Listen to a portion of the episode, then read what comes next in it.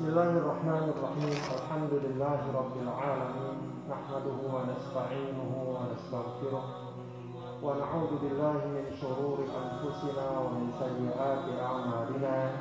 من يهده الله فلا مضل له ومن يضلل فلا هادي له.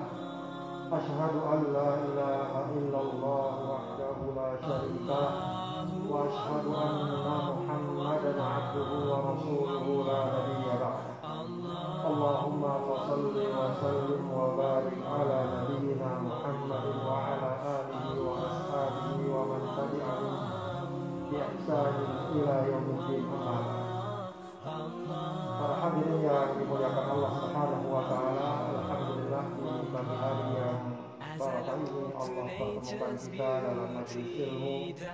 Mudah-mudahan kehadiran kita dicatat sebagai ibadah dan amal saleh di sisi Allah Subhanahu wa taala. Amin ya rabbal alamin.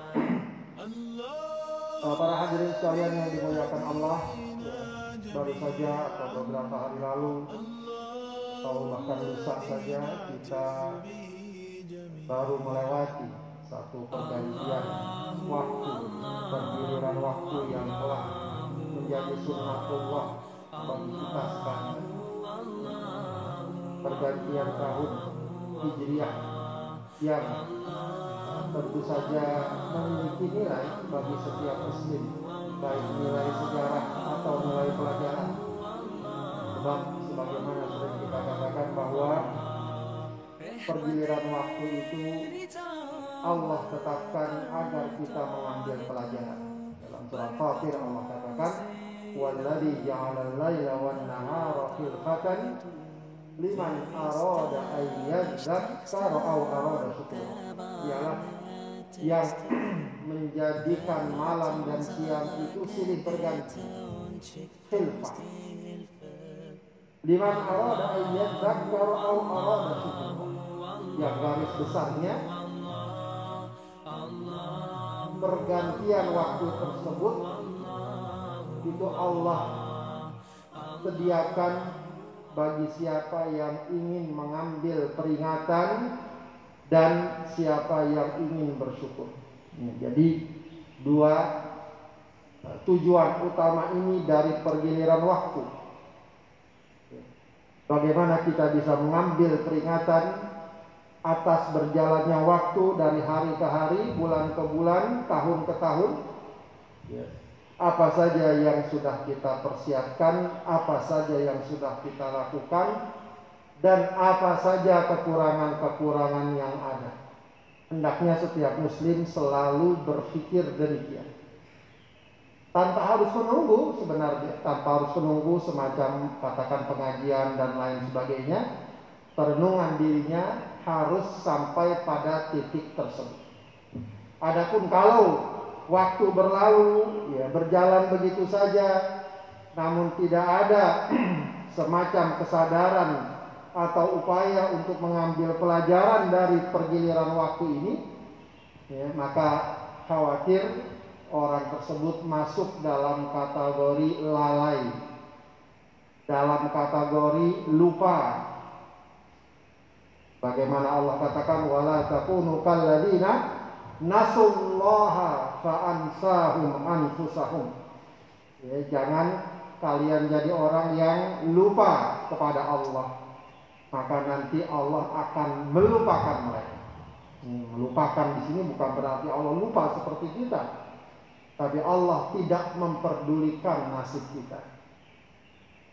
Baik, para hadirin yang dimuliakan Allah, di sisi lain pergantian waktu pergantian tahun ini juga memiliki nilai sejarah yang sangat berharga yang layak untuk terus kita ingat-ingat dan kita ulang-ulang. Ya, dalam Al-Quran Allah ingatkan wa dzakirhum bi ayyamillah dan ingatkanlah mereka dengan hari-hari Allah. Para ulama menafsirkan di ayyamillah ini dan memang ayat ini kaitannya dengan kisah perjalanan Nabi Allah Musa alaihissalam. Ya khususnya saat Nabi Musa diselamatkan dari penindasan dan kekejaman Firaun. di mana akhirnya Firaun tenggelam di lautan merah, Nabi Musa dan Bani Israel selamat meninggalkan Mesir dan hingga ke daratan uh, Palestina. Maka Allah katakan wadzakirhum bi ayyamillah. Ingatkanlah mereka dengan hari-hari di saat Allah berikan pertolongan dan kemenangan kaum muslimin atas kezaliman penindasan dari orang-orang kafir. Maka kita kenal peristiwa tersebut disebut sebagai peristiwa Asyura pada tanggal 10 Muharram. Nah, dalam konteks ini dan konteks pergiliran pergantian tahun juga sudah kita ketahui bersama-sama. Bagaimana pada masa Khalifah Umar bin Khattab radhiyallahu an ketika hendak menetapkan penanggalan dan tahun Islam setelah bermusyawarah maka mereka menetapkan dua perkara. Yang pertama adalah dari tahun peristiwa apa tahun Islam ini ditetapkan dan kemudian bulan apa tahun Islam ini ditetapkan.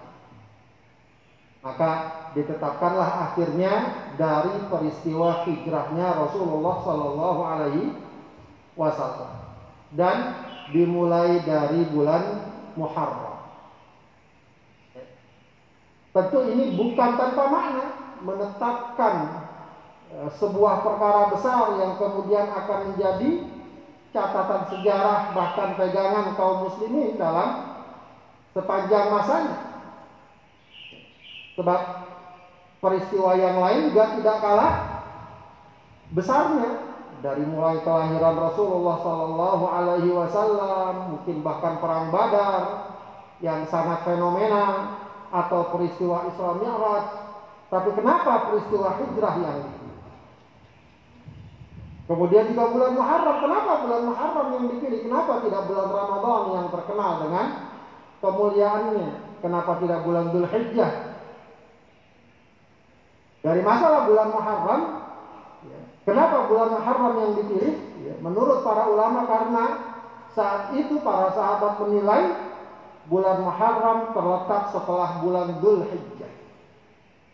Bulan Zulhijjah boleh dikatakan sebagai puncak dari amal dan ibadah kaum muslimin di mana di bulan ini berkumpul ibadah-ibadah yang utama, ya sholat, ya puasa, ya kurban, ya haji. Ini belum lagi ibadah-ibadah yang lainnya, tilawah, zikir, sodakoh dan sebagainya. Seakan itu merupakan pamungkas, ya, pemungkas dari agenda amal kehidupan kita dalam setahun Muharram seakan-akan kita hendak memulai lagi agenda kita setahun ke depan. Itu di antara filosofi yang disebutkan oleh para ulama. Sebuah uh, perhitungan dan penilaian yang uh, cukup dalam. Ya. Yang kedua terkait dengan masalah hijrah.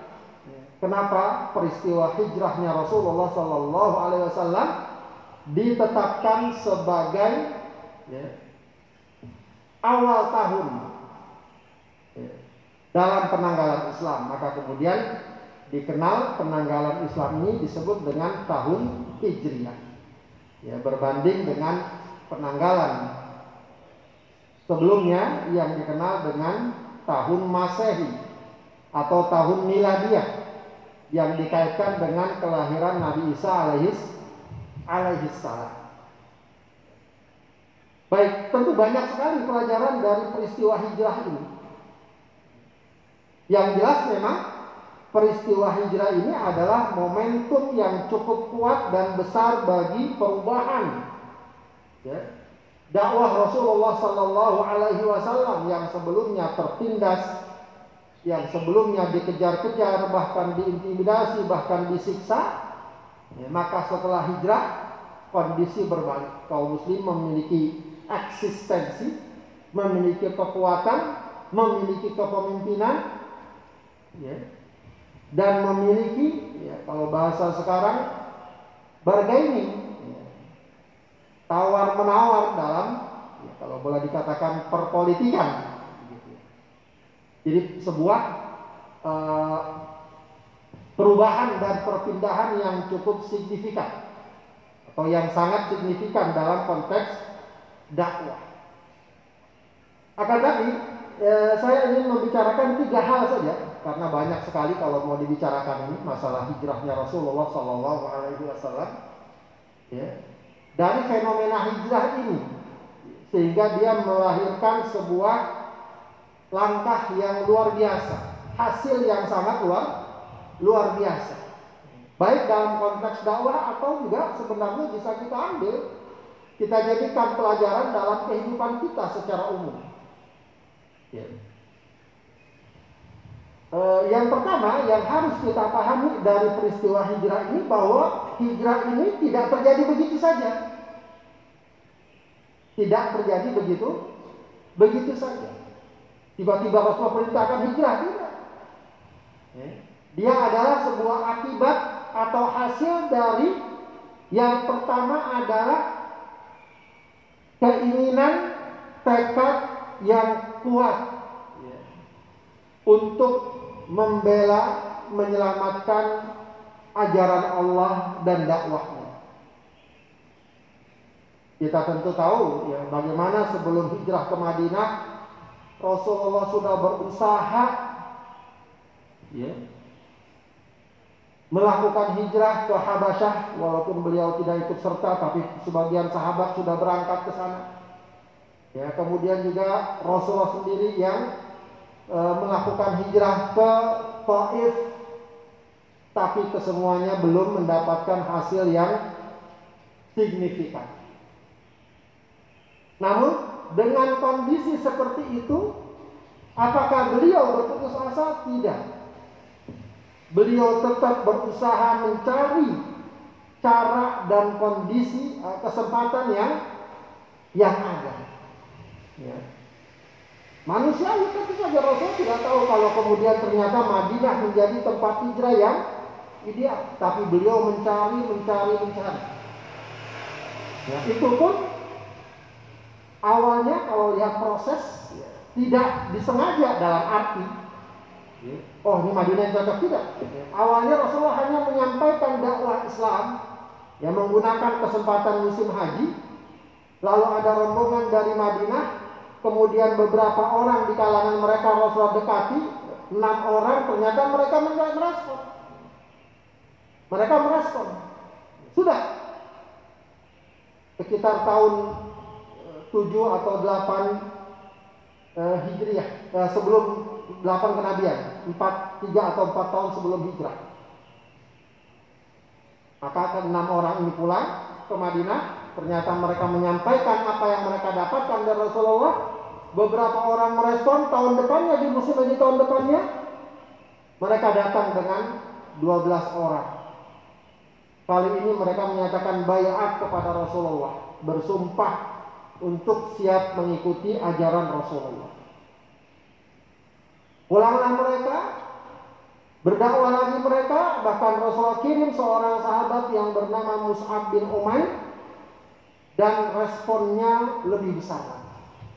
Bahkan sampai eh, dapat mendakwahkan beberapa tokoh Madinah yang kemudian memberikan pengaruh besar. Tahun depannya mereka datang lagi dengan jumlah yang lebih besar. Sekitar 73-75 orang begitu. Lalu mereka melakukan bayatul akobah lagi, bayat yang kedua.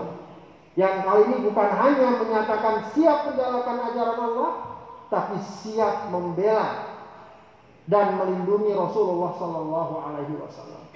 Maka setelah itu barulah turun perintah Allah untuk melakukan hijrah dan diaturlah pelaksanaan pelaksanaan hijrah yang ada. Jadi e, kalau kita lihat e, secara ringkas ya, mukaddimah dari hijrah ini maka bisa kita simpulkan ya, hijrah ini tak lain merupakan jawaban dari Allah atas kesungguhan dan keinginan yang tidak mengenal kata putus asa walau ya, dengan berbagai macam halangan, rintangan dan ujian. Ini sebuah uh, kaedah yang juga harus menjadi kehidupan kita. Agar jangan sama sekali kita merasa lemah dengan berbagai macam ujian yang Allah berikan. Baik dalam konteks pribadi kita atau bahkan dalam konteks kita berdakwah di jalan Allah Subhanahu wa taala. Kata seorang ulama, dakwah itu ibarat air. Ya. Walau ditahan dan dibendung, tapi kalau dia terus berjalan, nah, apakah bendungan itu jebol atau airnya itu nanti akan melewati bendungan tersebut atau penghalang tersebut. Yang penting dia terus berjalan, berjalan, tidak berhenti sesuai kemungkinan yang ada dan tersedia. Dalam kehidupan kita juga begitu, pastilah berbagai macam ujian, halangan dan rintangan pasti ada. Tapi semua itu tidak boleh membuat kita berhenti. Terus berikhtiar, terus berusaha. Insya Allah kita akan menemukan titik di mana Allah berikan kita jalan keluar. Ya, itu sebuah kaidah kehidupan yang sangat penting untuk kita kita ambil. Bahkan bisa jadi pertolongan Allah itu Allah berikan pada kondisi terlemah yang kita alami. Kalau kita perhatikan Rasulullah itu memang sesaat sebelum eh, titik-titik cerah ya, potensi di Madinah kondisinya memang sudah sangat berat sekali. Yang dari Habasyah itu sudah bahkan mulai pulang ke Mekah karena di sana juga meskipun disambut positif oleh Raja Najasyi tapi tidak ada perkembangan yang baru. Mereka terbatas. Rasulullah ke Taif juga diusir dan tak lama kemudian dua orang pendukung utama dakwah Rasulullah meninggal dunia. Khadijah dan Abu Thalib. Yang kemudian disebut dengan Amul Husni tahun kesedihan, kondisi yang sangat lemah. Namun justru di situlah Allah berikan jalan keluar. Di situlah Allah berikan jalan keluar. Jadi para hadirin yang dimuliakan Allah Subhanahu Wa Taala, jika kita kaitkan kondisinya dengan sekarang ini, ya boleh jadi ya, kita dapatkan berbagai macam tekanan, berbagai macam ujian dihadapi khususnya oleh umat Islam. Ya, ditambah lagi dengan pandemi seperti ini. Tapi bagi seorang muslim jangan sampai hal seperti ini membuat setiap orang lemah kemudian berhenti bergerak, berhenti berikhtiar. Justru sekali lagi kita katakan di tengah-tengah kondisi yang paling sulit itu boleh jadi Allah berikan ya, jalan keluar, Allah berikan solusi yang tidak didapatkan pada kondisi yang lainnya. Ini yang sangat penting untuk selalu kita hadirkan dan kadang-kadang seseorang memang butuh kondisi seperti ini untuk semakin menguatkan hubungannya kepada kepada Allah Subhanahu wa taala. Butuh kondisi-kondisi yang berat untuk semakin mendekatkan dirinya kepada Allah, memperkuat permintaannya kepada Allah. Ya, meskipun tentu bukan berarti kita mau perkara-perkara yang berat ini, tapi ya, sunnatullah Allah punya kehendak dan kita harus pandai-pandai mengambil kebaikan di dalamnya. Baik, itu yang pertama. Pelajaran yang kedua dari peristiwa hijrah yang juga sangat berharga bagi kita adalah betapa pentingnya seseorang mengatur rencana, menyusun strategi, membuat siasat dalam agenda-agenda kehidupannya. Ini inilah indahnya Islam. Di satu sisi kita dituntut untuk beriman total kepada takdir Allah. Kita dituntut untuk meyakini seyakin-yakinnya bahwa Sebagaimana zikir yang kita baca Allahumma la mani'a lima a'taita wa la mu'tiya lima mana'ata wa la yanfa'u dal jaddi min Ya Allah, tidak ada yang mencegah apa yang engkau berikan dan tidak ada yang dapat memberikan apa yang engkau apa yang engkau cegah. Dalam hadis yang lain juga lebih jelas Rasulullah katakan ya, dalam terdapat dalam kitab Al-Arba'in An-Nawawi ya. Wa'lam annama asabaka lam yakun liyukhti'ak wa ma akhta'aka lam yakun liyusibak. Ketahuilah bahwa apa yang memang sudah ditetapkan menimpa dirimu tidak akan masuk. Tidak akan masuk.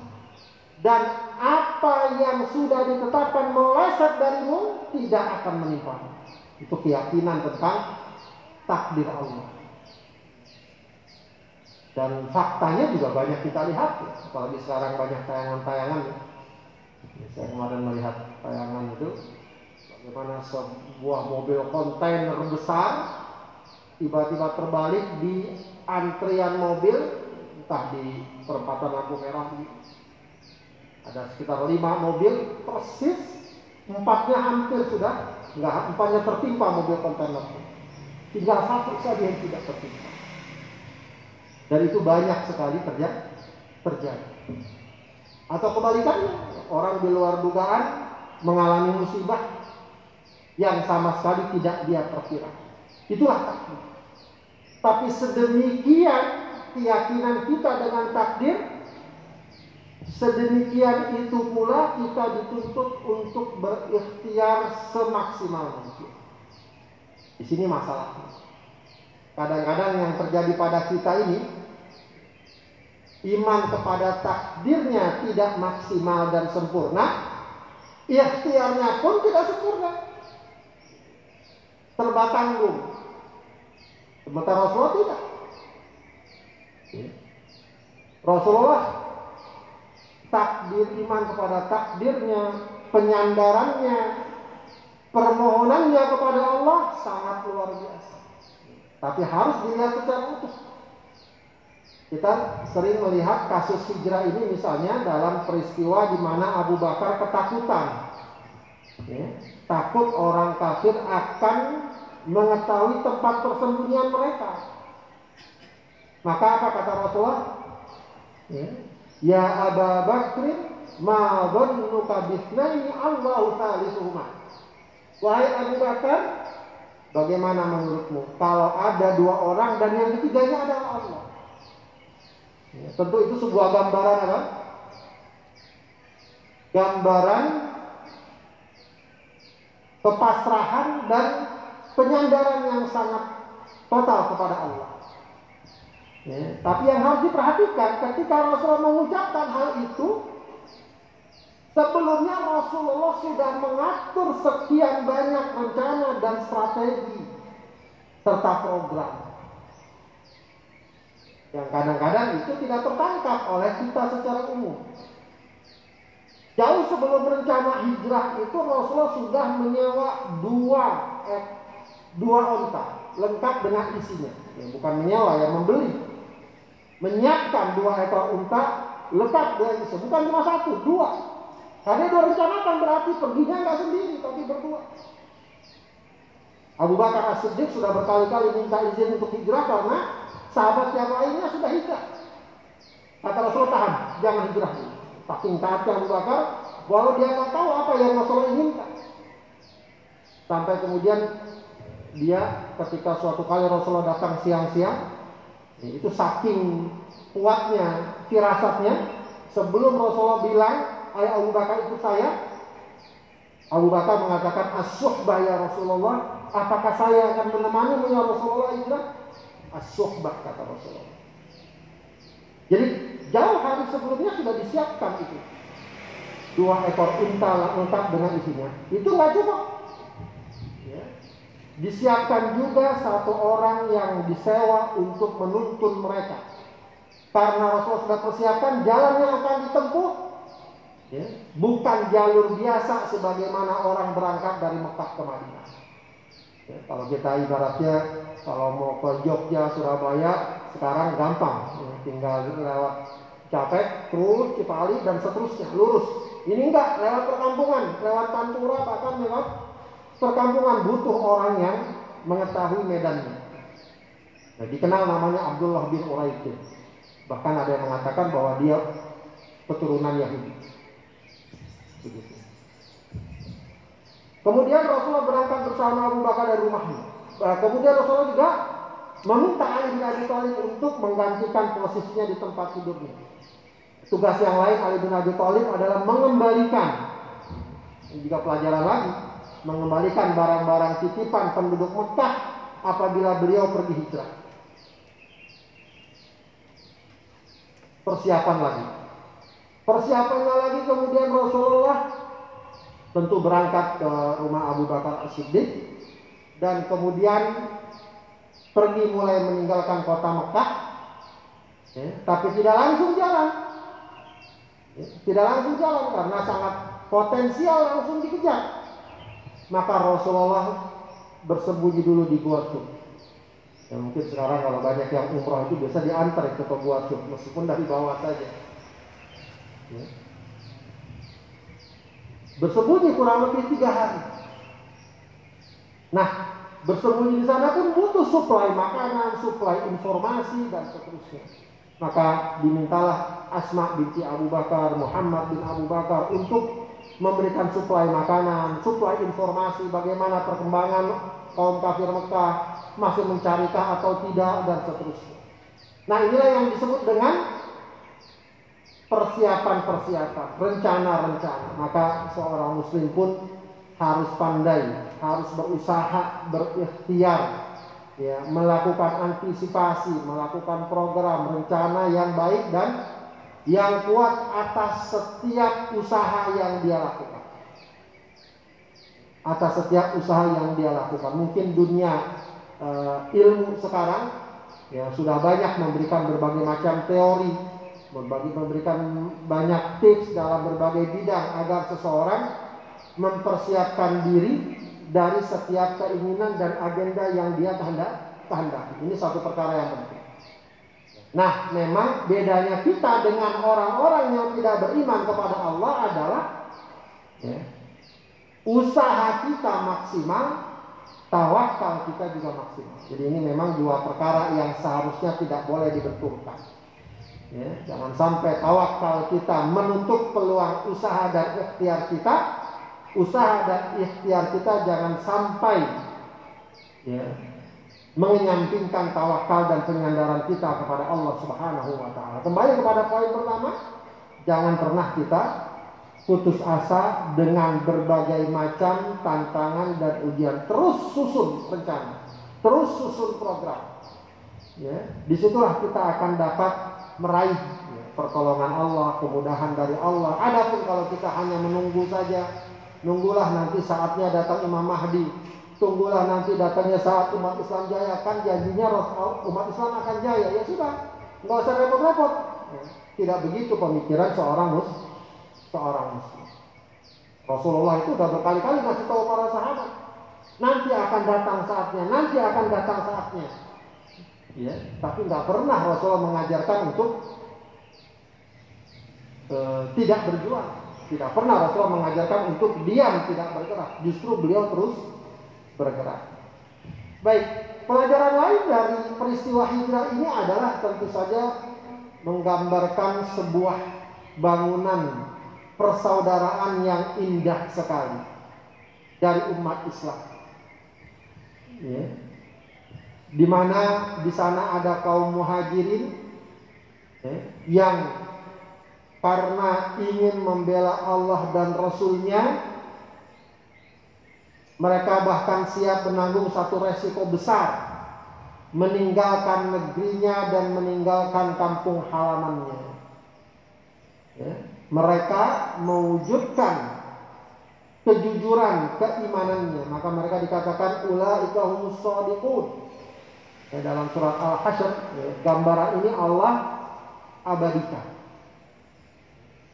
Lil muhajirin alladzina ukhriju fi sabilillah lil muhajirin alladziina ukhriju fi sabilillah yabtaguna fadlan minallahi wa ridwana wa yansuruna Allah wa rasulah ulaika humus shadiqun Orang-orang muhajirin yang diusir di jalan di jalan Allah Subhanahu wa taala apa yang mereka cari? Yang mereka cari tak lain hanyalah ridho Allah. Karunia Allah. Ya, dan mereka berupaya untuk membela Allah dan Rasulnya. Ulaika humus shadiqun. Sementara di Madinah ada orang-orang yang membuka dadanya sebelum dia membuka rumah dan negerinya. Melapangkan hatinya sebelum mereka melapangkan rumah dan negerinya. Yang kemudian dikenal sebagai kaum Ansor. Allah ungkapkan dalam ayat berikutnya, "Walladzina tabawwa'ud dar wal imana min qablihim yuhibbuna man hajara ilaihim wa la yajiduna fi sudurihim yuhibbuna man hajara ilaihim wa yu'thiruna ala anfusihim walau kana bihim khasasah. Ulaika humul wa ulaika humul muflihun. Dan orang-orang yang telah menempati negeri tersebut negeri Madinah sebelum mereka apa sikapnya yuhibbuna man hajara ilaihi mereka mencintai orang-orang yang hijrah datang pada mereka. Bahkan Allah gambarkan wa yu'thiruna ala anfusihim walau kana bihim khasasah. Mereka berusaha untuk mendahulukan saudara-saudaranya walaupun mereka juga kesulitan. Wah, ini luar biasa. Mereka bukanlah orang-orang kaya, penduduk Madinah. Itu beda dengan penduduk Mekah. Penduduk Madinah rata-rata petani. Jarang yang kaya raya. Ya mungkin ada satu dua. Tapi mereka petani. Sementara dari Mekah itu banyak orang-orang kaya saudagar. Ya, Abdurrahman bin Auf, Uthman bin Affan dan lain sebagainya. Begitu. Tapi mereka menyiapkan kasih sayang mereka, ukhuwah mereka kepada saudara-saudaranya. Bahkan kemudian Allah gambarkan lagi orang-orang yang datang sesudahnya juga begitu, selalu mengenang kebaikan para pendahulunya dan mendoakannya. Walladzina ja'u min ba'di. Dan adapun orang-orang yang datang sudahnya generasi berikutnya yaquluna rabbana ighfir lana wa li ikhwanina alladzina sabaquna bil iman. Ya, Allah ampunilah kami dan orang-orang uh, sebelum kami yang telah mendahului kami dalam keimanan. Fi qulubina lil dan jangan jadikan dalam hati kami ghil apa namanya e, kedengkian kepada orang-orang yang beriman. Jadi beginilah yang kita harapkan. Sebuah bangunan persatuan saling tolong menolong antara umat Islam khususnya ketika berhadapan dengan orang-orang yang memusuhi Islam. Sekarang ini sebenarnya tidak perlu banyak teori. Ya, sudah sangat jelas bagaimana adanya upaya-upaya untuk ya, memusuhi kaum muslimin. Kita bukannya kemudian mengatakan oh kita harus cari musuh, tidak. Memang faktanya demikian. Ya. Agama apa? Ya. Kalau kita perhatikan yang di berbagai belahan negeri mendapatkan permusuhan dari berbagai keyakinan yang lain. Meskipun memang tidak kita katakan semuanya, tapi ya di Palestina, di Cina, di India, di Myanmar, gambaran yang sangat yang sangat jelas. Sangat tampak sebenarnya kalau seseorang mengamati dengan jernih akan tampak adanya upaya-upaya untuk jangan membiarkan kaum muslimin memiliki kekuatan kemandirian dan persatuan di antara mereka. Itu sangat tampak.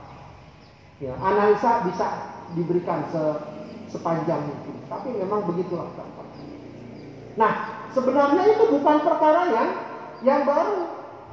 Itu bukan perkara yang baru. Memang begitu. Tantangannya sejak dulu hingga sekarang. Yang jadi masalah itu adalah memang ya kaum muslimin yang justru satu sama lain dibentuk dan diciptakan suasana permusuhan.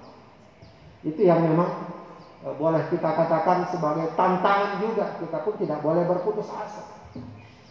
Ya, kalau kita lihat sekarang, ya memang itu sangat tampak. Bagaimana khususnya ya, Kalau negeri kita adalah kasus gitu banyak. Ya.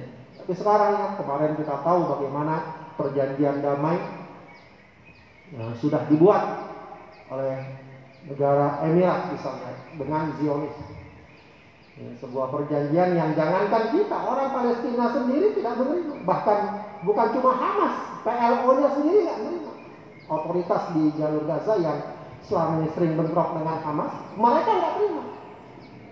Padahal perjanjian damai tersebut dikatakan alasannya apa? Untuk mem membela hak-hak bangsa Palestina.